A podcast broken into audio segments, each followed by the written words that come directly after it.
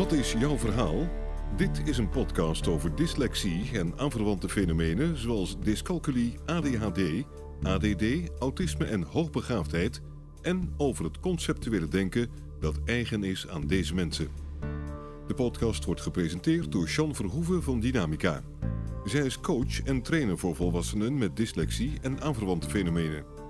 Ze gaat ervan uit dat mensen met deze fenomenen allemaal conceptuele denkers zijn. Als je dat weet en weet hoe dit denken werkt, is het mogelijk om een gemakkelijker en succesvoller leven te hebben en effectiever te kunnen functioneren in je studie of je werk. In deze podcast gaat ze in gesprek met mensen die hun eigen verhaal willen vertellen. Een verhaal dat gaat over labels, hun andere manier van denken, hun tegenslagen, de voordelen van het conceptuele denken en hun succesverhalen.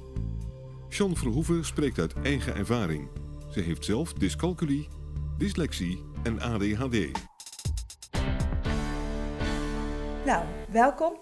Bart de Bart heb ik hier uh, zitten. Nee, dat is wel, het is wel leuk om maar meteen even weer over die dyslexie te praten. Die naam, ik, ik ken je vanuit de vereniging.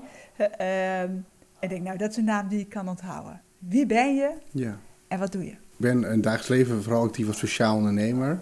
Met een eh, sociale onderneming die allemaal jongeren begeleidt die de transitie van studie naar werk aan het maken zijn. En die of een lichamelijke of een mentale kwetsbaarheid hebben. Dat kan allerlei dingen zijn. En uh, daarnaast ben ik ook heel actief in een aantal nevenfuncties die allemaal hier aan raken. Waaronder misschien voor de meeste mensen wel bekend de Landelijke Cliëntenraad. Oh. Waar ik bijvoorbeeld de vicevoorzitter van ben. Waar we constant aan het nadenken zijn. Hoe kan je al die wet en regelgeving van de overheid iets vriendelijker maken voor mensen met een uh, hele duidelijke hulpvraag. Ja, ja. Nou, en waarom ik je ook uitgenodigd heb is, ik ken je, maar ik ken je niet. Hè? Dus, uh, en toen dacht ik, nou wordt het is tijd dat jij hier komt vertellen wat je doet, waarom je het doet. Wat ik mooi vind aan je organisatie, vanuit vele invalshoeken, je bedrijf is een heel netwerk.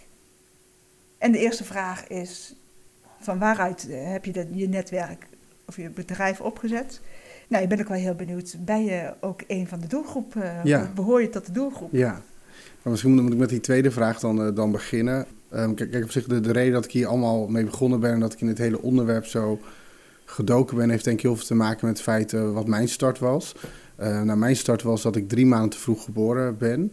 Uh, wat voor mij twee dingen eigenlijk voor gezorgd heeft. De ene kant is dat mijn longen extra kwetsbaar zijn en ik daardoor altijd lichamelijk allerlei klachten heb gehad in mijn, in mijn jeugd en nog steeds. Ja. Alleen het gaat nu gelukkig heel erg goed. En ik ben ook um, een speciaal onderwijs gedaan. Ik heb dyslexie en dyscalculie. Okay. En heb eigenlijk de hele tocht van um, leerweg ondersteunend onderwijs, het oude LOM-onderwijs, ja. tot aan de universiteiten afgerond. Ja. Dus weet eigenlijk wel hoe je in al die transities, um, wat je nodig hebt als je, als je dat doormaakt mijn situatie was dat ik in zo'n uh, nou, heel fijn gezin op ben gegroeid waar alles goed geregeld was. En mijn ouders heel erg veel energie stopten in hoe gaan we Bart daar doorheen helpen. En ik ben deze organisatie eigenlijk gestart op de eerste vraag. Omdat ik eigenlijk merkte dat heel veel mensen die die uh, stabiele basis niet hadden, die bleven ergens hangen. Of zakten helemaal weg in het onderwijs. Of konden nooit de oversteek wagen naar de arbeidsmarkt. En toen dacht ik eigenlijk, wat is dit slecht geregeld in Nederland? En um, nou, wat ik altijd zeg tegen mensen, ga niet twitteren, maar richt een clubje op. Ja. Dus dat is, mijn, dat is SWOM, studeren en werken op maat. Dat is het clubje dat ik heb opgericht. Omdat ik niet zo hou van mensen die allemaal van de zijkant naar binnen aan het roepen zijn... of van, buiten naar, van binnen naar buiten aan het gillen zijn. Hier denk ik gewoon, ga er iets mee doen, richt iets op... verzamel wat mensen om je heen en doe iets leuks. Ja. Uh, nou, en dat is in de loop der jaren een hele organisatie geworden. Maar dat is eigenlijk de basis waarom ik dit doe. Je bedrijf heet SWOM. Je noemde het net al. Waar staat het voor en wat doe je ja. precies? SOM is de afkorting voor, de, voor studeren en werken op maat, maar dat is zo'n mond vol dat we altijd maar die afkorting gebruiken. Um, we zijn eigenlijk begonnen met een hele specifieke doelgroep, namelijk dat was ik zelf. We zijn eigenlijk begonnen met mensen in het HBO-WO die de stap naar, van studie naar werk gingen maken en die dat heel erg ingewikkeld vonden. Ik vond het ook best wel even ingewikkeld. Met hoe richt je je leven dan in? Hoe ga je om met een kwetsbaarheid in combinatie met werk? En hoe zorg je dat je en een leuke baan hebt, maar ook een leuk leven hebt? Dat niet een van die twee heel erg inboet. Inmiddels begeleiden we een veel bredere doelgroep. Inmiddels begeleiden we echt de PSO plus doelgroep tot aan een universitaire doelgroep. Dus de doelgroep in het voortgezet speciaal onderwijs tot aan het universitair HBO-onderwijs. En wat wij doen met al die jongeren is dat we starten met een levensbrede intake, waar we echt met jou het gesprek aan gaan. Wie ben jij? Hoe ben je gevormd? Waarom zijn dingen gegaan zoals ze gegaan zijn? Wat zijn triggers voor jou? Uh, waar loop je tegenaan? Wat is je ondersteuningsbehoefte?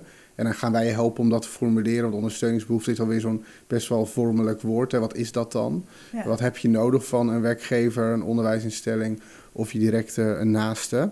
Dat werken we samen met jou uit. En dan, daarna ga je eh, zes tot negen maanden een persoonlijk eh, ontwikkeltraject in. Waarin je dat echt allemaal gaat uitwerken voor jezelf. Dat doe je allemaal voordat je überhaupt start in een baan, in een stage of in een andere vorm van participatie. Ehm, en doel is uiteindelijk altijd dat je bij een van onze 100 aangesloten werkgevers een echte goede baan krijgt die helemaal voor jou is, helemaal is geschikt gemaakt of passend bij jouw competenties. En als je dan gestart bent, dan word je ongeveer een jaar tot anderhalf jaar heel intensief levensbreed begeleid door een coach-begeleider. Dat is vaak een toegepast psycholoog die bij ons eh, in dienst is. En dat levensbrede is denk ik heel belangrijk, want wij begeleiden je zowel op het stuk van wonen, van wonen van thuis naar zelfstandig, het stuk van leven, van hoe richt ik mijn sociale leven in, eh, hoe ga ik met werk om. En daar begeleiden we ook de werkgever bij, want die heeft vaak ook nog wel een stap te maken. Aan de achterkant van deze aanpak zit natuurlijk eh, de wet maatschappelijke ondersteuning, de WMO, de participatiewet, de wet langdurige zorg, WLZ. Alleen wij regelen alles voor jou dat je daar geen last van hebt. Dat je niet de hele tijd de ene moment van de dag in die regeling zit, de andere dag van het moment in die regeling en dan in die regeling. Ja. Maar daar lopen jongeren ook heel erg tegenaan. Ja. Dus dat is eigenlijk heel kort samengevat wat, wij, eh, wat we doen.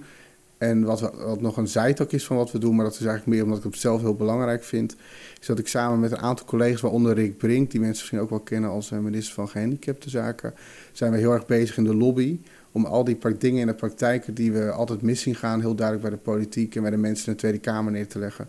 Zodat ze die wetten Ja. echt wat beter kunnen maken. Ja, ja. Nou, wat ik dus zo, zo knap vind eh, aan jou en bewonderenswaardig vind ook, is dat je ja, bij het begin aan bent gaan pakken, maar dat je dus ook overal. Ik, ik, denk wel eens, als ik hier zit, zo van, oh ja, ik zou een psycholoog in dienst moeten nemen, eh, want dan kan die de toetsen maken. En als die nou eens test op wat belangrijk is, eh, ik zou eh, nog zo iemand in dienst moeten nemen of zo iemand in dienst moeten nemen. Maar dan denk ik, ja, dan moet ik gaan managen, dat wil ik niet. Tijd en... Ja, misschien heeft het deels te maken met mijn, mijn eerste eigenlijk en enige baan die ik ooit gehad heb. Dat was een, wa- was een baan op Binnenlandse Zaken. Waar ik bij een directie bestuursondersteuning heel erg mocht meekijken met de ministers hoe dat allemaal ging. En ook mocht ondersteunen. Ja. Ik denk dat ik daar heel veel geleerd heb over proces. eh, hoe je dingen inricht, hoe belangen lopen, hoe dingen in elkaar zitten, hoe Den Haag werkt. Want dat is ook nog wel heel belangrijk, want wij worden heel erg gesteund door Den Haag en door de politiek en door de overheid. Dus dat helpt. Alleen waar ik wel heel snel achter kwam dat er ook een ding is waar ik absoluut niet goed in ben. En dat is alles wat met management, directe aansturing van medewerkers en dat soort zaken te maken eh, heeft. Dus toen ik dit aan het opzetten was, want wij begonnen ooit echt als vrijwilligersorganisatie, dan gingen we de stap maken naar een professionele organisatie met allemaal mensen in dienst. En toen heb ik eh, samen met Start Foundation, wat een van onze belangrijkste eh, nou, eh, founding partners was echt van de organisatie, hebben we een heel plan gemaakt. En een van de eerste dingen die ik zei tegen Jos Verhoeven, toen daar de directeur, volgens mij moet ik iemand aan gaan nemen die de operatie managt. En dat hebben we eigenlijk al heel snel gedaan toen we nog maar een paar mensen in dienst hadden. ja. Ik ben denk ik heel goed in het concept, in eh, hoe je mensen allemaal eh, mede-eigenaar maakt van het concept, ambassadeur eh, maakt, mee laat doen. Eh, maar, je, maar je moet mij niet eh, ehm, zeg maar op de dagelijkse gang van zaken de operatie laten runnen. Dat is ook helemaal niet waar mijn interesse ligt. ja. Dat heb ik ook nooit gedaan. ja. En dat zie ik denk ik bij heel veel ondernemers wel eens gebeuren. Dan denk ik, waarom ga je dat allemaal zelf doen? En dan, eh, dat is wel leuk, want ik heb ook wel eens geprobeerd om iemand aan te nemen die dat stuk gaat doen. Ja, dat ging niet helemaal goed. Hoe heb je het nou geregeld dat je zoveel goede mensen dus rond hebt lopen? Ik zeg wel eens tegen mensen, als een sollicitant aan mij vraagt eh, wat is SWOM, dan zeg ik wel dat we zijn een soort rare combinatie tussen een soort maatschappelijke organisatie, een hele politieke organisatie, want we Ja. vinden echt iets van hoe Nederland moet worden ingericht. En we zijn ook echt een doe-organisatie. En dat trekt gewoon heel veel. Heel veel mensen willen echt Nederland veranderen. Heel veel mensen willen ook Ja. echt dingen doen. En heel veel mensen willen ook gewoon bij iets werken waar niet de opbrengst naar een aandeelhouder gaat, maar waar het gewoon in het maatschappelijke doel gaat. En dat komt allemaal bij ons samen. En ik denk dat dat heel veel potentiële medewerkers trekt. Ja. Dat het echt heel, heel erg maatschappelijk is. De goede mensen aannemen, is dat ook een kwaliteit van je? Concreet antwoord op je vraag. Nee, daar ben ik niet altijd heel goed in. Want ik kan me soms zo laten meesleuren in het enthousiasme over iemand. En het gunnen dat ik denk, deze persoon moet een kans krijgen. Oh ja, Dat ja, ik wel eens ja. mensen heb aangenomen en kans heb gegeven van ik dacht, dat had ik echt niet moeten doen. Ja, Dus dat laat ik liever over aan de professionals. ja, Kijk, in het begin heb je ook die gunfactor als organisatie nog zo dat je ook met heel veel ehm, kleine rommeligheden wegkomt. En nu hebben we gewoon heel veel grote opdrachtgevers die verwachten gewoon een super strak proces. En dat vraagt ook andere medewerkers. Hoeveel tijd stop je in je werk, in je bedrijf? Eigenlijk de nevenfuncties die ik doe, eh, hebben zoveel te maken met wat SWOM Ja. doet primair. Dat, het eigenlijk, dat zie ik eigenlijk als totaalplaatje als mijn werk. Want Ja. dat heeft allemaal met elkaar te maken. Ik denk dat je daar wel 60 uur per week minstens mee kan vullen. Dat kan, dat kan voor mij ook betekenen dat ik even zorg Ja. dat die journalist die een achtergrondartikel schrijft de juiste informatie krijgt, zodat het onderwerp. Maar dat is vaak wel buiten kantooruren. Dus ja, dan werk je gewoon door. Ja, Ik heb niet een hele duidelijke afgebakende werkweek of zo. nee, want dit is eh, hier mijn klanten doen, het zorgen dat de website draait en zo. Hè. Daar zijn we al met z'n tweeën nou, 40, 60 uur mee bezig. De lobby om, om het daar te krijgen waar je het hebben wil, dat is volgens mij ook een dagtaak. Nou ja, daar, daar word ik ook in ondersteund. Ik heb gelukkig inmiddels eh, werken bijna 50 mensen bij ons. Ja. En eh, drie daarvan, waaronder eh, Veronique en Hidde, dat zijn echt hele goede public affairs mensen en die zijn er eigenlijk constant mee bezig. En even om een voorbeeld te geven welke stap wij daarin gemaakt hebben. We hebben echt bij de laatste begrotingsbehandeling sociale zaken hebben we gewoon twee moties Kamerbreedte Kamer doorgekregen. Dat is echt de eerste Oh. keer dat het ons gelukt is. Ja. En dan merk je ook, dan gaat het ministerie ineens een heel ander gesprek met jou voeren. Ehm, en dat is niet zozeer voor, voor SWOM als organisatie dan zo belangrijk, maar ik denk dat heel veel begeleidingsorganisaties, welzijnsorganisaties, jongerenorganisaties heel veel gaan hebben als een aantal dingen wat beter worden geregeld. Ehm, en dat gaat bijvoorbeeld bij deze moties heel erg om eh, twee hele simpele dingen eigenlijk. Aan de ene kant, hoe kunnen we nou ook mensen met een beperking laten starten bij kleine MKB-bedrijven? Het zijn nu vaak de grote bedrijven die de aantallen aannemen. Dat vind ik zelf heel jammer, want ik denk dat MKB-bedrijven uitermate geschikt zijn voor Ja. kwetsbare mensen. En de andere gaat heel erg over dat ehm, als je hier in Amsterdam eh, jobcoaching aanvraagt, kan het zomaar zijn dat je hier een andere toekenning krijgt dan in Gouda of in Borselen. Ja. En dat vind ik zelf persoonlijk echt idioot, want jonge mensen verhuizen gewoon van plek naar plek en die kan je niet eh, zo behandelen. Ja. Nou, dat zijn twee dingen waarvan ik hoop dat we een heel klein stapje Ja. eh, beter de goede kant op gaan. Ja. Wat voor mensen komen er nou bij jullie? Kan je daar een concreet Ja. voorbeeld van geven? Eh, nou ja, het zijn een hele, hele diverse groep. Maar nou, een van de groepen waar waar ik zelf altijd heel enthousiast van word, is gewoon die groep. Vaak super slimme jonge mensen die met pijn en moeite en heel veel energie een opleiding aan het afronden zijn. Het zijn vaak wel mensen, het zijn vaker dan de mensen met een mentale kwetsbaarheid en dan heel vaak specifiek mensen met autisme of mensen met een eh, persoonlijkheidsstoornis. Ja. Die eigenlijk eh, heel, nou, in een hele veilige context met een gezin en ouders en een broer en een zus het onderwijs zou gaan. En dan moet die stap naar die eindstage of daarna naar die eerste baan gaan. En dan valt het hele bouwwerk in elkaar. En dan is het vaak zo dat iemand bij ons binnenkomt, niet omdat hij zichzelf aanmeldt, maar heel vaak via een vader, een moeder of een broer of een zus. Die eigenlijk ons belt van, hij zit op die kamer en hij komt er niet meer uit. Als je zo iemand dan drie jaar later gewoon helemaal ziet meedoen in een baan, in de samenleving en in een leven. Ja, Ja. daar, daar word ik heel enthousiast van. Dus dat is echt zo'n heel. Ik denk dat iedereen, ik denk, dat ook iedereen wel zo'n familielid of vriend of vriendin heeft. Iedereen kent zo iemand. Dat vind ik een hele mooie groep. En wat ik ook een hele mooie groep vind, zijn bijvoorbeeld mensen met eh, niet aangeboren hersenletsel. Wie was ik voor dat ongeluk en wie ben ik erna en hoe kan ik toch eh, op mijn manier gaan meedoen? En is ook wel een groep eh, mensen met eh, dyscalculie en dyslexie die eigenlijk ontzettend veel in een mars hebben, maar het gewoon ook het sociale stuk, het leven, het studeren, het combineren van al die dingen niet georganiseerd Ja. krijgt.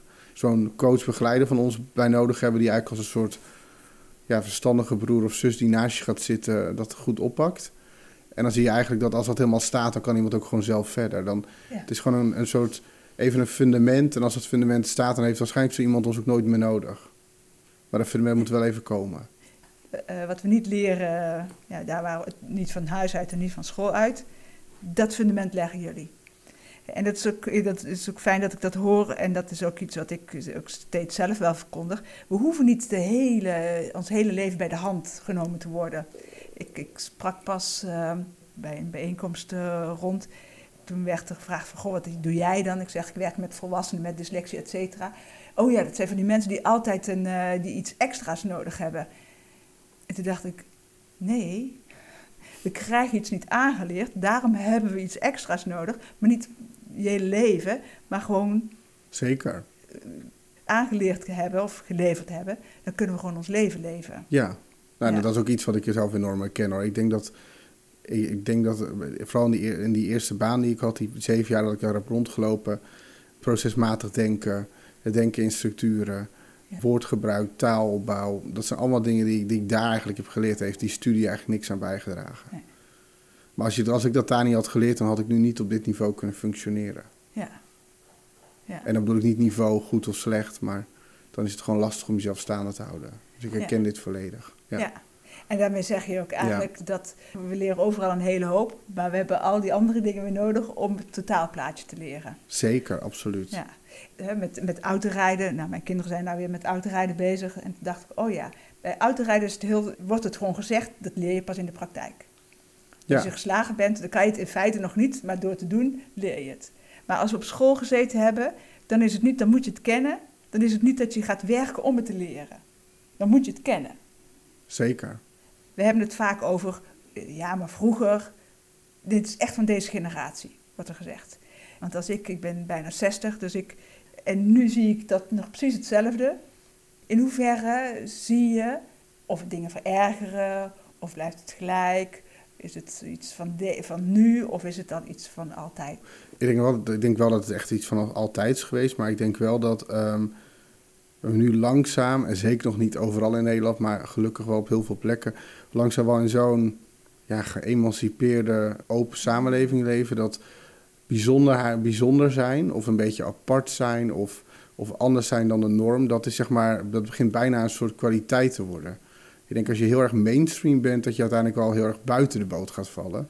Omdat je gewoon niet meer interessant bent. Ja, Ik heb ook wel eens gesprekken met mensen dat ik denk, die ga ik gelijk weer vergeten.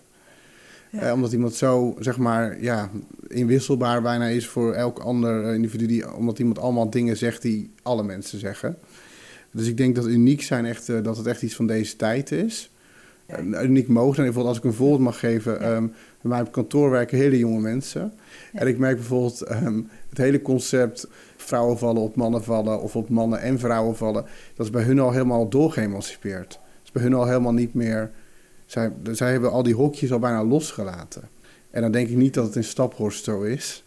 Maar bij de mensen die bij ons werken is het wel zeker zo. Het zijn gewoon hele ontwikkelde, open-minded mensen. En ik denk dat we er echt naartoe gaan. Ja. Dus ik denk dat de toekomst echt heel interessant wordt. Dus dat, dat, dat. En wat ik ook wel merk is dat, en dat is wel weer iets kritischer, heb ik het vaak ook eh, met, met een aantal andere eh, nou, eh, mensen over die je wel een soort boegbeeld voor mensen met een handicap zou kunnen noemen.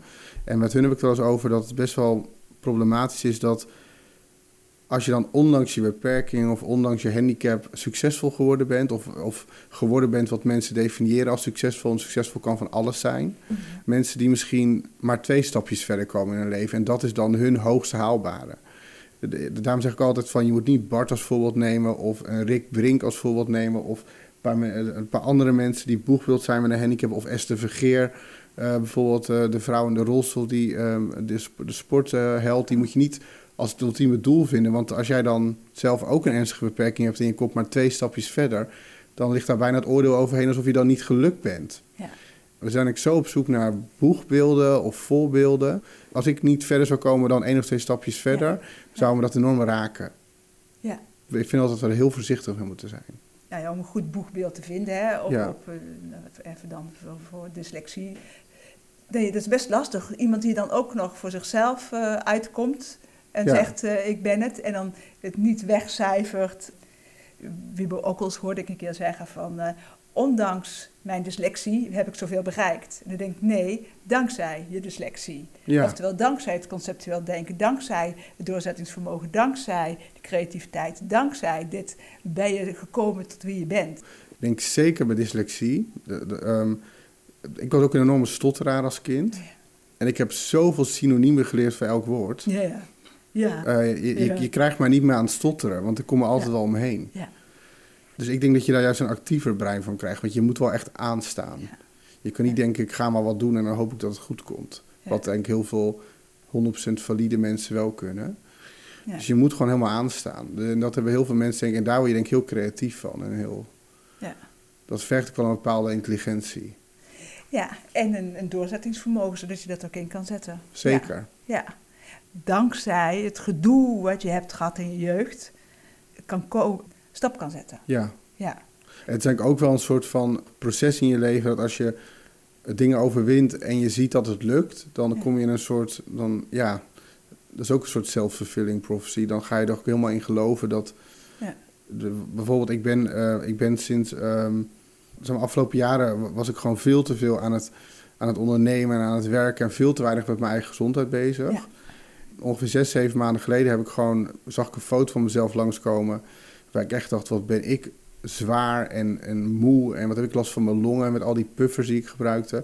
Toen ben ik gewoon van het een op andere moment... heb ik mijn voeding omgegooid. Heb ik, eh, ben ik heel intensief drie, vier keer per week met een personal trainer gaan trainen. En nu ben ik 30 kilo lichter. ja, En eh, heb ik gewoon voor eerst in mijn leven spieren in plaats van dat ik me slap voel. Dus, ja. maar, dit- maar dat is gewoon hoe ik vaker dingen... Er zit een Ja. soort radicaalheid in. ja. Ja, en dat is denk ik wel wat heel... Ja, dat kan je voor allerlei dingen inzetten. Maar je moet... Ja, de- zeg maar, ik kwam op een soort point van no return van ik voel me niet fit. En toen dacht ik, nu ga ik het doen. Maar ik denk dat het ook enig is... ehm, hoe goed je ook gefaciliteerd of begeleid wordt... Je, je moet zelf de knop omzetten. ja. Dat zie ik ook Ja. bij de jongeren die wij begeleiden. Die boosheid van die twee, eerste twee, drie mislukkingen... En het rouwen over die boosheid, want dat hoort er ook heel erg bij. Ja. Dat is de start waardoor het daarna heel goed gaat lukken. Ja, Ja, je moet gewoon even vastlopen in je eigen circus soms. Ja, en dat is wel leuk, want dan, dan moet ik denken aan de- dat ik hier wel eens ouders krijg en die zeggen mijn kind dit, mijn kind dat. En die moet naar jou toe. En dan eh, zeg ik van wil je kind dan wel? Ja, dat regel ik wel. En dan krijg ik hier iemand die er nog niet klaar voor is. Die, die eigenlijk nog niet hard genoeg op zijn bek gegaan is of Ja. haar bek gegaan is. Ja, en dan, dan kan ik daar niks mee. Ja, want dan Nee. als die niet zelf komt... En het is natuurlijk altijd belangrijk, hè, want dat zei je ook wel, hè, vaak aanmeldingen via ouders en dat soort dingen.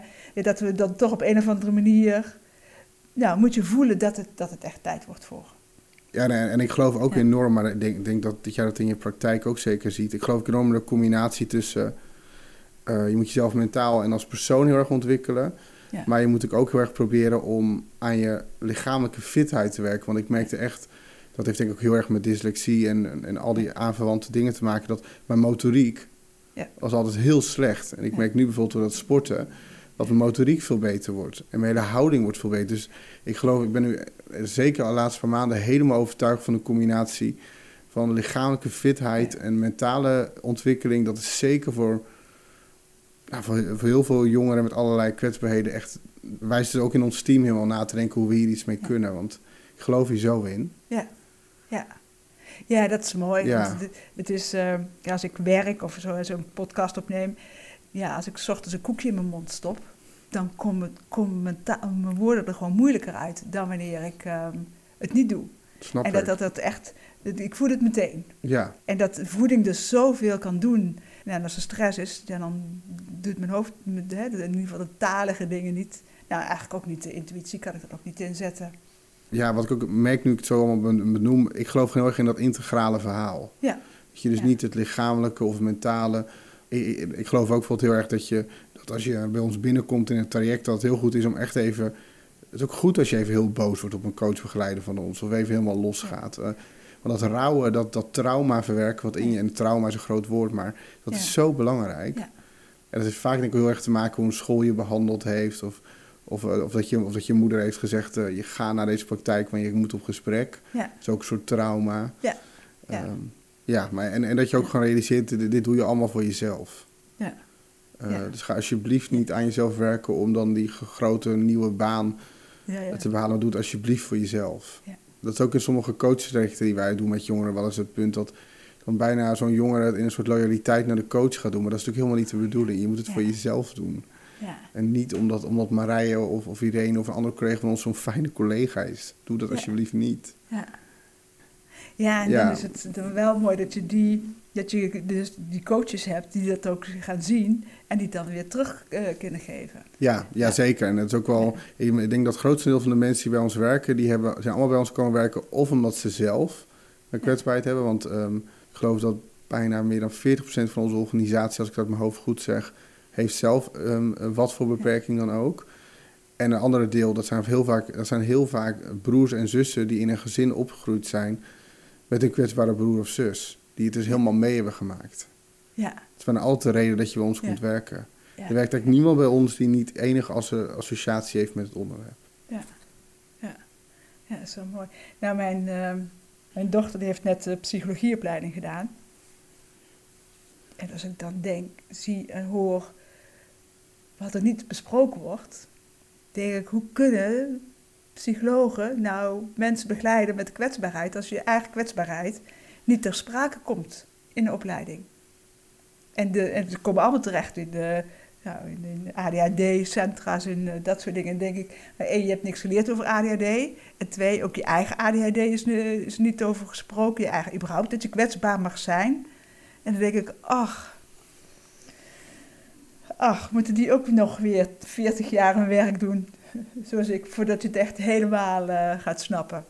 Ik denk sowieso, bij ons werken wel een aantal collega's die uit de klassieke GGZ komen. Ja, Die daar hebben gewerkt. En, die, en een van de grootste kritiekpunten die ik vaak terugkrijg, op voelden ze zich meer, zeg maar, een soort eh, databeheerder van allemaal van die inkoopnummers, dan dat ze bezig waren met, of, of eh, zorgcombinaties, hoe dat dan ook heet. Ja, dat is natuurlijk heel erg, want daar heb je, geen, je hebt geen psychologie gestudeerd om zorgcombinaties in te voeren. Maar Ja. hopelijk omdat je met mensen wil werken en die wil begeleiden. ja. Dat is, een, dat is een podcast aan zich. Maar het is wel leuk om, om, om te horen dus dat die ook, ook, ondanks dat die opleiding niet helemaal voldoet, dat er wel mensen zijn die dus vervolgens hun vak wel verstaan. We hebben ook een GGZ-psycholoog in dienst. En eigenlijk wat zij probeert te doen is constant de crossover te bewaken tussen wat wij doen en wat een echte Ja. GGZ-instelling Ja. doet. Nou ja, En waar de grens ligt. oh, Want, want wij komen soms ook wel eens in onderwerpen terecht dat ik denk, die is echt GGZ. Ja. Dat moet echt naar de GGZ. Dus dat is wel altijd een heel... eh het is heel lastig, want je wil iemand... eh, ja, het zou, het zou mooi zijn als je, net zoals dat je nu een brede school hebt, dat je ook een soort Ja. brede GGZ plus plus zou krijgen, waar eigenlijk een soort zwom bij zit. Ja, Want waarom moeten dat twee gescheiden werelden zijn? ja. En kan je een voorbeeld noemen van wie je dan toch door moet sturen naar de GGZ? Ehm, nou, bijvoorbeeld iemand die, die nog midden in zijn therapie zit. En eigenlijk nog helemaal in een stuk echt traumaverwerking zit. En trauma over, want bij trauma denken we vaak aan dood of aan misbruik. Dat, eh, dat kan ook veel zijn een stukje zelfacceptatie dat je een bepaalde persoonlijkheidsstoornis hebt. Dat je gewoon heel veel, heel veel afwijzing hebt ervaren van je omgeving. Allemaal van dat soort onder... Of dat je heel erg eh, ongelukkig bent met je eigen lichaam. Ja, Ehm, en als je nog, nog in zo'n proces zit, omdat om in een soort acceptatieproces zit, dan vinden wij eigenlijk dat je nog niet zou, zou moeten gaan werken bij een werkgever, omdat je dan ja, dat, dat, dat, dat rouwen, jezelf accepteren en aan jezelf werken, dat is zeg maar een, dat is een fulltime baan. ja, Dan, ben, en dan moet je dat echt eerst afmaken. En er zijn nu best wel wat mensen vanuit de IPS bijvoorbeeld, gedachten bijvoorbeeld. Dat, eh, het is eigenlijk een, een begeleidingsvorm ontwikkeld door de GGZ-organisaties om mensen in de GGZ actiever richting de arbeidsmarkt en werk te krijgen. ja, Ehm, en ik vind in essentie het concept heel erg mooi en ik sta er ook heel erg achter. Maar ik denk voor de, wat, de, voor de, de, voor voor de echt zwaardere ehm, mensen die zwaardere therapieën volgen, denk ik echt dat het afronden daarvan eh, belangrijker is dan, dan gelijk de stap naar werk maken. Maar daar zit ook natuurlijk een soort politiek verhaal achter. Iedereen vindt je moet aan het werk. Ja. Maar nou, ik kan dan, dan wel zeggen tegen mensen in die politiek dat als je gewoon een persoonlijkheidsstoornis hebt en aan, aan jezelf aan het werken bent en jezelf je leven probeert in te richten, dat, daar kan je zomaar twee jaar, 40 uur per week ja, mee bezig zijn voordat je überhaupt klaar bent voor werk. ja. Ja, en in feite, en als organisaties dat soort mensen aan moeten nemen, dan is dat een heel grote belasting voor de collega's. Het is een belasting Ja. voor de werkgever en stel je voor dat, een, dat iemand bijvoorbeeld eh, manische episodes heeft en dat gebeurt precies op zo'n werkplek. Ja. Eh, iemand, eh, heel het bedrijf raakt daardoor geschokt. Ja. Daarna valt het draagvlak weg en kan niemand daarmee starten. Ja. En dat heb ik ook zelf een keer meegemaakt bij een plaatsing bij een bedrijf Ja, waar dat gebeurde. Dan, eh, ja, dat zou zonde zijn. ja. Wat maakt dat jaar dan uit? Want als we dat jaar goed doormaken, dan zijn we voorlopig, en dat zie, zie ik ook wel, hè, ik heb de- veel UWV-klanten die elke keer weer ontslagen worden, elke keer weer eh, het proces overnieuw moeten doen. En als ze dan eenmaal hier zijn geweest, dat ze dan hun baan behouden. Nou ja, maar dan duurt het wel even langer, kost het even wat geld, maar dat levert dan zoveel meer eh, op. Ja, Ja, Ja, dat is echt maatschappelijk rendement. ja. En ook daar zit jij ook met die lobby op, daar werk je ook op. Nou, Eh, wat wij bijvoorbeeld aan het doen zijn nu, over de periode 2017-2021 hebben we een maatschappelijke kosten-batenanalyse gemaakt, een MKBA. En wat we daarin gedaan hebben, is dat we in de, de hele groep die we begeleid hebben, de hele populatie, hebben we eigenlijk onderverdeeld in vijf zwaartecategorieën. En we hebben eigenlijk helemaal inzichtelijk gemaakt samen met Deloitte, eh, die ons daarbij geholpen heeft. Wat is, nou de, wat is nou de besparing op eerste lijns GGZ of huisartsenzorg? Wat is nou de besparing op schadelastbeperking, dus uitkeringen die niet betaald zijn? Maar ook de positieve kant, ehm, hoeveel gaat iemand bijdragen aan de economie van Nederland als hij een betaalde baan heeft en kan consumeren? Ja. En andere producten kan kopen in de supermarkt. Ja. Daar, is dus een heel, daar is een heel interessant rapport uitgekomen, wat we ook heel actief hebben aangeboden. Allerlei partijen en de minister om te laten zien dat, dat, het is, hè, dat de SWOM-interventie, de SWOM-aanpak, heel, heel eh, veel rendement oplevert voor de samenleving en dan eigenlijk relatief weinig kost. Want ze kijken vaak naar UWV-traject en denken ze, oh dat kost dit. En een. SWOM-traject kost dat. En dan is het SWOM-traject natuurlijk veel duurder, maar dat is logisch, want het is heel, heel intensief. En wat we nu gaan doen, dat is echt de volgende stap. We gaan met het ministerie van Sociale Zaken en Werkgelegenheid weer met Deloitte en samen met, een, met Social Finance NL, dus een heel gespecialiseerd eh, impactbureau, gaan we eigenlijk kijken, kunnen we hier een impact dashboard van maken? Dat we eigenlijk elk jaar kunnen laten zien, wat is nou de opbrengst voor Nederland van zoveel jongeren die SWOM begeleidt? Omdat ik ook wel merk in gesprekken met vooral wethouders, dat ik gewoon een hele duidelijke informatie nodig heb om ze te overtuigen dat dit een heel goed idee is. Ehm, en dan kan ik natuurlijk wel met echte kwalitatieve verhalen komen over dit is het leven van Bart en kijk eens hoe die nu bijstaat. Maar dan zeggen ze letterlijk dat zie ik op mijn begroting niet terug. Ehm, en dus ook aan die blauwe cijfers niet altijd heel leuk, je hebt ze wel nodig. Ja. En dat proberen we heel actief te doen. En wij zijn niet de enige organisatie. Ik denk dat elke maatschappelijke organisatie waar ook veel geld van de samenleving naartoe gaat, is met deze vraag bezig. Ja, Hoe kan ik laten zien aan de samenleving wat de opbrengst is van 1 euro in die organisatie? ja, ja, Dus dat, dat is iets waar we nu, zitten we middenin. ja. En het is niet zo dat dat dan weer de kwaliteit van je, dat wat je levert beïnvloedt. Want dat ken ik vanuit het sociaal-cultureel werk waar ik gewerkt heb. Het moet dan benoemd eh, worden, het moet geschreven worden, aangetoond eh, Ja. worden. Ja, en een hele hoop eh, persoonlijk werk kan je niet aantonen. Maar jou lukt het wel om zowel en goed werk te blijven leveren en het aan eh, te blijven tonen. Maar wat we nu bijvoorbeeld gaan doen is, ehm, we gaan nu eigenlijk hele duidelijke vragenlijsten ontwikkelen, samen met onze jongeren ook en samen met onze professionals, ehm, die ook in normale mensentaal geformuleerd zijn. Hè? Want bijvoorbeeld, ik, eh, iedereen kent ik wel de zelfredzaamheidsmatrix. Nou, dat is iets wat heel erg gericht op dakloosheid en verslaving. Dat past bijvoorbeeld helemaal niet bij de jongeren die wij begeleiden, want die zijn niet dakloos en hebben ook geen verslaving. Ja. Dus dat zijn dus helemaal de verkeerde taal die aangeslagen wordt.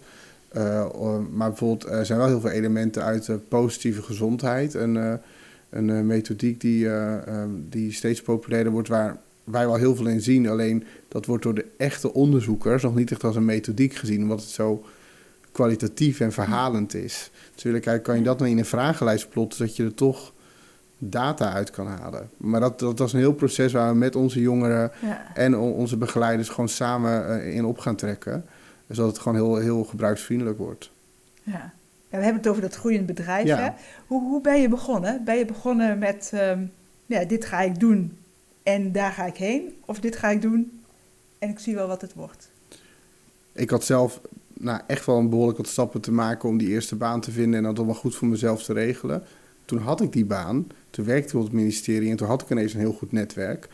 En ik kwam heel veel jongeren tegen um, die ik ergens in die weg naar, naar mijn eigen succes tussen haakjes was kwijtgeraakt. En toen dacht ik, daar moeten we iets voor organiseren. Dus toen zei eigenlijk wat mensen om me heen, laten we een event organiseren. Dus ik heb een, organiseerde toen een banenmarkt op het oude ministerie van Vrom.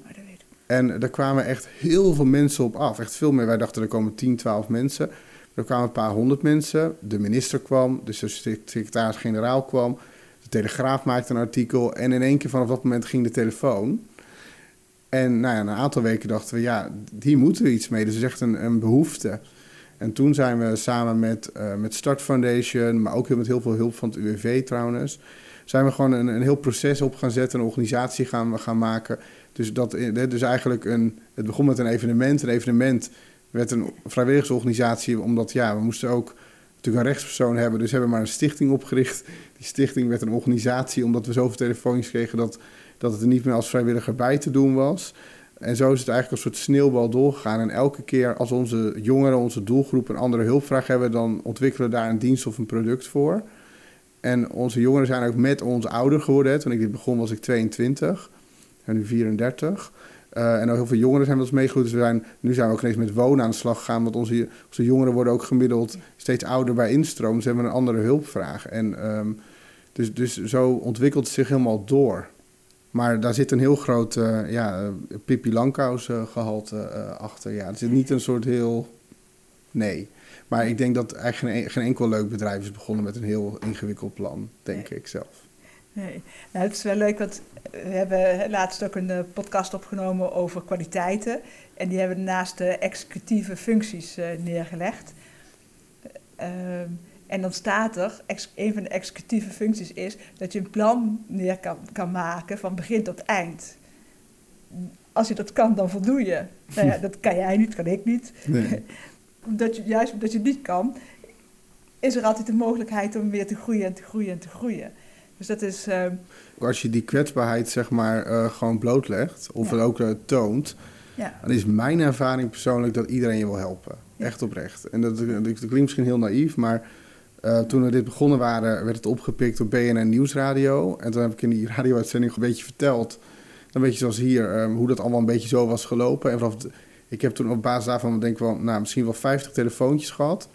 En van die 50 telefoontjes zijn 10 mensen, dat zijn, dat zijn bestuursleden van ons geworden, of onze grootste ambassadeurs, of onze eerste klanten. Ja. Iedereen wil meedoen met zoiets. Ja. Omdat het iets heel sympathieks heeft. Ja. En dat werkt. Ja.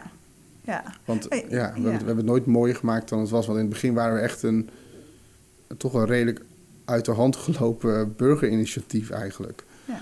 Hoe moeilijk dat te vinden is dat iemand zegt, of dat er nou ja, dan toch een bekende Nederlander op staat en zegt, nou die dyslexie, er zitten zoveel kwaliteiten achter, dan moet het echt meer aandacht en andere aandacht, uh, er moet echt meer subsidie naartoe. Ja. Dus daar ga ik me warm voor maken. De, de klassieke patiëntenorganisatie, ik denk sowieso dat, dat er tussen het meer sociale ondernemingen zoals SWOM en de patiëntenorganisaties nog een enorme winst te behalen is in samenwerking omdat ik denk eigenlijk, die patiëntenorganisatie zitten vol met echt heel veel kennis. Als ik het gewoon het voorbeeld geef, bijvoorbeeld, ik ben zelf natuurlijk ook lid van het Longfonds. Ze zijn echt supergoed fundamenteel onderzoek naar, naar allemaal longaandoeningen. Maar als ik naar zo'n bijeenkomst ga, dan, ja, dat, dat sluit helemaal niet aan bij wat ik in zo'n bijeenkomst ja. zoek. Het is echt gefocust op die ziekte of die aandoening. Ja. Um, alleen wat wij bij SWOM bijvoorbeeld doen, als tegenovergestelde, wij hebben het veel meer over, um, plot je dat in een proces? Of ja hoe maak je dan stappen op weg naar meer zelfstandigheid? Of uh, wij hebben het nooit over de beperking aan zich, maar alleen maar over de hulpvraag die daaruit voortkomt. Ja. Ik denk dat veel patiëntenorganisaties heel erg op de aandoening zitten. Ja. En dat daar heel veel mensen niet naar op zoek zijn. We zijn op zoek naar de handelvraag, de oplossing, de... Ja, ja. ja. ja. Hoe kan ik vooruit? Hoe kan ik vooruit? Hoe kan ik de stap maken? Dus ik denk dat daar nog zeker nog een hele wereld te winnen is. Ja. Je, je had het nog net nog even over mensen, onze mensen zijn niet, zijn niet verslaafd. Nou weet ik dat er in mijn doelgroep ja. een hele hoop mensen zitten met de verslaving. Is het een issue? Mogen ze wel toch bij jullie uh, zijn? Ze, uh, hoe werkt dat rond die verslaving? Om een voorbeeld te geven, daar, daar hebben we zeker ervaring mee. Dan ook, ook in dat, daar kunnen trouwens veel inhoudelijke coaches van ons veel meer over zeggen dan ik. Maar de essentie van die gesprekken is vaak dat iemand zegt: Ik kan alleen functioneren als ik de, dit middel gebruik waardoor ik meer ontspan. En dan vind ik de, de coachvraag veel meer van welk inner trauma zit er onder, onder deze verdoving. Wat kunnen we daaraan doen, zodat dat weggaat en dat je daarna wel kan functioneren zonder al die middelen te gebruiken. Want ik denk dat het vooral een soort dempen van een trauma is. Ja, wat, wat, wat, dat dan ook mag zijn. Ja. Oké, dat is mooi. En dus ze worden niet weggestuurd? Nee, zeker niet. Nee, daar heb ik zeker wel ervaring mee. Maar dat, is, wel, dat, dat, dan wel vaak... Wij focussen er veel meer op dat ja, dat trauma of dat, dat mentale stuk wat eronder zit. Want, want die, die wietverslaving, is, daar kom je uiteindelijk wel van af, als je maar van dat trauma afkomt. Ik hoor ook van klanten dat je nou ja, binnen psychologie of binnen psychiatrie wordt je niet geholpen als je niet van die verslaving af bent. En dan denk ik, ja, waarom zijn ze verslaafd? Omdat ze een probleem hebben. Dus dan al die jongeren worden dan weer uh, ja, in het alleen gelaten. En dan denk ik, daar moet ook iets op. Maar zelfs dat doe je. Ja, zeker. Ja. Maar ja, maar dat, ja, maar dat is ja, precies wat je, wat je beschrijft. Dat is natuurlijk een soort cirkel waar iemand er ook nooit uit gaat ontsnappen. Ja. Ja, we hebben het ehm, gehad over de, de mensen die voor de hulpvraag komen. Je hebt een hele hoop bedrijven voor je werk of waar je in je netwerk. Wat is hun ehm, reden om mee te doen? Wat levert het hun op? Het, zijn, het kunnen eigenlijk, twee verschillende dingen zijn. Het kan het persoonlijke verhaal zijn van, van een van de directeuren of andere beleidsbepalers in het bedrijf. Die bijvoorbeeld een zoon heeft met autisme of die bijvoorbeeld een, een dochter heeft die iets meegemaakt of die zelf een beperking heeft. Dat kan een enorme reden zijn. Dat, dat was in het begin eigenlijk heel vaak zo. Eigenlijk de eerste zoveel opdrachtgevers waren eigenlijk allemaal werkgevers die enorm veel associatie hadden met het onderwerp in hun persoonlijke leefsfeer. Ja.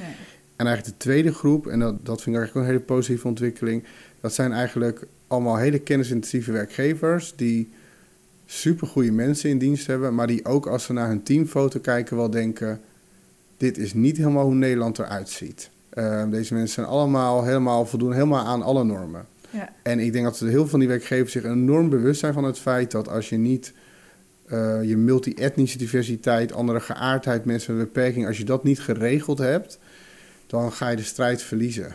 Eh, dus ik denk dat heel veel werkgevers best wel denken die arbeidsmarkt is krap, mijn organisatie is veel te nou ja, wit of veel te, eh, veel te eenheidsworst. Dat Ja. die organisaties wel wakker zijn geworden dat ze denken, ik moet iets gaan doen. Oh, wauw. Ja. Ja, dus dat vind ik wel op zich heel Ja. positief. Want het is toch een soort. ehm, ja, we- ik denk wel dat als, als wij gewoon een paar mensen kunnen plaatsen in een bedrijf, is het toch een heel klein ja, emancipatieoffensiefje. Want dat gaat wel heel erg doorwerken in de organisatie. Ja. Ik kan misschien wel wel iets vertellen over wat, ehm, wat voor werkgevers zeker iets, zeker een succesfactor is. Zeg maar, waarom ze dit doen, is dat nou, werkgevers wel steeds meer op zoek zijn naar eh, specialistische kennis. En bij een gedeelte van de doelgroep die wij begeleiden zit gewoon specialistische kennis. Ja. Dat kan bijvoorbeeld een, een bank zijn die, ehm, die hele ingewikkelde financiële transacties eh, doet, die daar eigenlijk een superspecialist voor nodig heeft die dat analyseert. Nou, het zou zomaar kunnen dat je met autisme over competenties beschikt, waardoor je daar heel erg goed in bent. Het kan ook zijn dat je bijvoorbeeld een, eh, een groot warenhuis bent, die allemaal, ehm, die, die de hele tijd- bezig is met zijn eigen, zijn eigen klantervaring van de klant die in hun winkels komt. En eigenlijk heel fijn vindt om iemand in dienst te hebben die gewoon mee kan nemen. Hoe ervaar ik dat nou als ik in een rolstoel zit? Ja. Een mentale kwetsbaarheid heb of helemaal overprikkeld raak van al die reclame in die winkel. Dus het is eigenlijk, er worden dan specifieke onderdelen uit een beperking gehaald die een talent zijn. En dat is dan interessant voor het bedrijf. Ja. Dat is vaak een reden voor bedrijven om het te doen. En eigenlijk een beetje de. Misschien dat heeft ook met de krapte op de arbeidsmarkt, denk ik, nu te maken. Maar die soort fase dat, met, dat bedrijven bezig waren met. Hoe zorg ik dat in, dat in mijn jaarverslag het sociale een vinkje is gezet. Dat hebben, die fase zijn we bij veel bedrijven alweer een beetje voorbij. Ja. Veel bedrijven zitten er veel praktischer in. Die willen gewoon, die denken gewoon. Eh, we hebben elk talent nodig. We hebben veel te weinig mensen, veel te veel werk. We moeten gewoon anders gaan denken. Ja. Ja, misschien, misschien ook wel, wel goed om te vertellen dat je ook wel ziet dat van die honderd werkgevers die we bedienen, in elke sector hadden we er één nodig die het voor het eerst deed. Ja. Bij de banken was het van Landschot Kempen. Nou, dat is ook een van de meest ja, chique banken denk ik, van Nederland. Als die het doen, dan wil bijvoorbeeld een ABN of een Rabobank het ook. En als bijvoorbeeld een, een een groot architectenbureau het doet, dan wil de rest ook. Hè, bijvoorbeeld, eh, bijvoorbeeld op de Zuidas zit, zit Arcades. ehm, en we hebben nu ook eh, Touw, een groot, heel specialistisch architectenbureau. En, die volgen elkaar allemaal. Dus dat Ja, helpt ook, ja. ook heel erg. Dat, alleen dan is het wel vaak, dan merk je wel vaak dat de, ja, de beetje, dan de, de meest conservatieve van een sector volgt het laatste. En de Ja. creatievere komt als eerst. En dat is ook een soort volgorde die erin zit. Ja, ja, grappig. Ja, En dat vind ik ook leuk aan mijn werk, want ik doe dat zelf nu zelf minder dan wat mijn collega's dat doen. Maar vroeger ging ik al die bedrijven zelf ook langs. En dat is gewoon heel leuk, want op het ene moment sta je in een hele nette zakenbank. En op het andere moment sta je eh, zeg maar in Zaandam bij, bij, eh, in een callcenter bij Ahold. Wat echt een hele andere Ja. sfeer is. Ja, Ehm, dus dat, dat is wel heel leuk. ja. Is er nog iets wat, ik, wat je heel graag wil vertellen en wat ik niet gevraagd heb? Ook nog wel leuk om te vertellen dat ehm, we hebben het heel erg gehad over werk. En alle stappen naar werk en de voorstappen naar werk. Wat, eh, wat ik ook wel leuk stel je voor dat je deze podcast luistert en je denkt... ik ben nog heel veel stappen verwijderd van werk en ik weet gewoon niet hoe. En ik wil misschien gewoon veel vrijblijvender mezelf eens ontdekken en kijken wat ik kan. Dan hebben we nu ehm, sinds, nou, al sinds 2019 doen we de proeftuin, maar nu is het helemaal structureel. we doen een heel groot maatschappelijk diensttijdproject, uh, dus MDT. Dat is een door het ministerie uh, opgezet programma om jongeren um, zeg maar zichzelf te laten ontdekken. En ook dan, dan, dat te doen op een manier dat je ook voor anderen iets doet. Um, wij doen dat via de SWOM Academie. En we zijn nu in een aantal plekken in Nederland echt gestart. We zijn nu in Den Haag gestart. We zijn in Gelderland gestart, in Friesland gestart, in Tilburg gestart. En we gaan komende jaar nog twee regio's opstarten. En wat het betekent eigenlijk, je kan je gewoon vrijblijvend aanmelden. En dan gaan wij persoonlijk kijken hoe jij, um, als ik het goed zeg, in 20 uh, eh, weken een soort persoonlijk ontwikkelplan kan doorlopen. Waar je aan een aantal hele duidelijke competenties werkt. Waar je misschien ook je netwerk uitbreidt. Maar hoeft dat niet gelijk betaald werk te zijn, omdat voor heel veel jongeren die nog in een andere fase zitten of een ander proces, is dat een veel te grote stap. Ja. Um, dus dat is eigenlijk een soort extra ja, traject wat we hebben ontwikkeld. Um, helemaal gericht op mensen met een mentale of fysieke kwetsbaarheid, maar, maar dan ook gericht op het voortraject voordat je überhaupt nog gaat kijken of betaald werk haalbaar is. En, en ook misschien wel als betaald werk niet haalbaar is door je beperking, dat je gewoon kan denken: hoe kan ik dan op een andere manier een, een goed een goed gevoel hebben en, en, en mijn week op een fijne manier afsluiten. Want er zijn natuurlijk duizend manieren om te participeren. Ik bedoel, werk is niet heiligmakend. Ja, en het is ook mooi dat je daarbij zegt eh, dat je, hè, want eh, je had het over Rotterdam en Den Haag, dat jullie dus ook landelijk Zeker, ja. ja. En kan in feite iedereen zeggen van uh, klop, klop, klop, ja. Kun, kun, je iets voor mij betekenen? Ja, je, um, um, zeg maar, iedereen kan zich gewoon aanmelden. En wat ook wel leuk is, dat wij zijn niet de enige zeg maar, organisatie die MDT uitvoert. Er zijn nu allemaal MDT-organisaties op het ministerie eh, beoordeeld en goed of niet goedgekeurd. Maar van al die goedgekeurde organisaties, daar werken wij natuurlijk allemaal mee samen. Dus het kan ook zijn dat je bij ons aanklopt, maar dat wij zeggen... je moet bij dat traject in dat deel van Nederland veel interessanter voor jou. Dus we kunnen je ook doorverwijzen aan de juiste organisatie. Ja. Zitten er nog eisen nee, Dat is dus heel fijn. Um, uh, want meestal zijn we enorm van de hokjes allemaal, maar hier zitten dus helemaal geen hokjes aan. Het maakt niet uit of je een nugger bent, en niet, of je geen uitkering hebt, of dat je UWV of dat je participatie hebt bij de gemeente. Dat maakt allemaal niet uit. Dat is hier niet relevant voor. Ja. Nou, nog andere dingen die. Nee, ja, nee ik, zit, ik zit te denken. Ja. Um, wat misschien wel, wel een goede oproep is. Dat als je naar deze podcast luistert en je denkt ik zit in een stap van thuiswonen naar zelfstandig wonen, of van, uh, van mijn studie naar werk, of misschien van, uh, van revalideren terug naar werk of andersom. En je denkt, ik loop tegen een heel concrete regel aan, of, of, of het UWV blijft maar nee zeggen, of de gemeente blijft maar afwijzen. Dat zijn wel de verhalen waar wij bij SWOM altijd naar op zoek zijn. Want die werken wij uit in systeemdrempels, wat weer een heel mooi document is. En daarmee willen we dan totaal geanonimiseerd natuurlijk wel het gesprek over aangaan constant met die Kamerleden die dan wel moties kunnen indienen, de wet kunnen veranderen en dingen kunnen aanpassen. Ja. Dus als je nou denkt, ik weet even niet hoe, dan gaan wij wel met jou uitvinden waar nou precies in die vervelende regel het misgaat. Ja. Dan kunnen we misschien jouw verhaal gebruiken om het beleid een beetje beter te maken. Ja. Uh, Bart, ik wil je heel erg bedanken voor, uh, voor, hier, uh, voor je aanwezigheid ja. hier. Kan je nog één keer zeggen, SWOM? Een stichting Studeren en Werken op Maat. Wil je reageren op deze podcast of heb je vragen? Stuur dan een mail naar podcast.dynamica.nl. De reacties zullen worden meegenomen in volgende podcasts. John Verhoeven geeft coaching, workshops en trainingen. Wil je meer informatie? Kijk dan op www.werkendyslexie.nl of www.geniaaloprechts.nl of bel 020 639 1099 020 639 1099. Jean Verhoeven heeft twee boeken geschreven over dyslexie, Slimmer dan je baas en Dyslexie, Stoornis of Intelligentie. Deze boeken zijn te koop in elke boekhandel. Stuur de podcast door naar iedereen waarvan je vindt dat ze meer zouden moeten weten over dyslexie, ADHD, ADD, dyslexie, dyscalculie, autisme en hoogbegaafdheid en het conceptuele denken.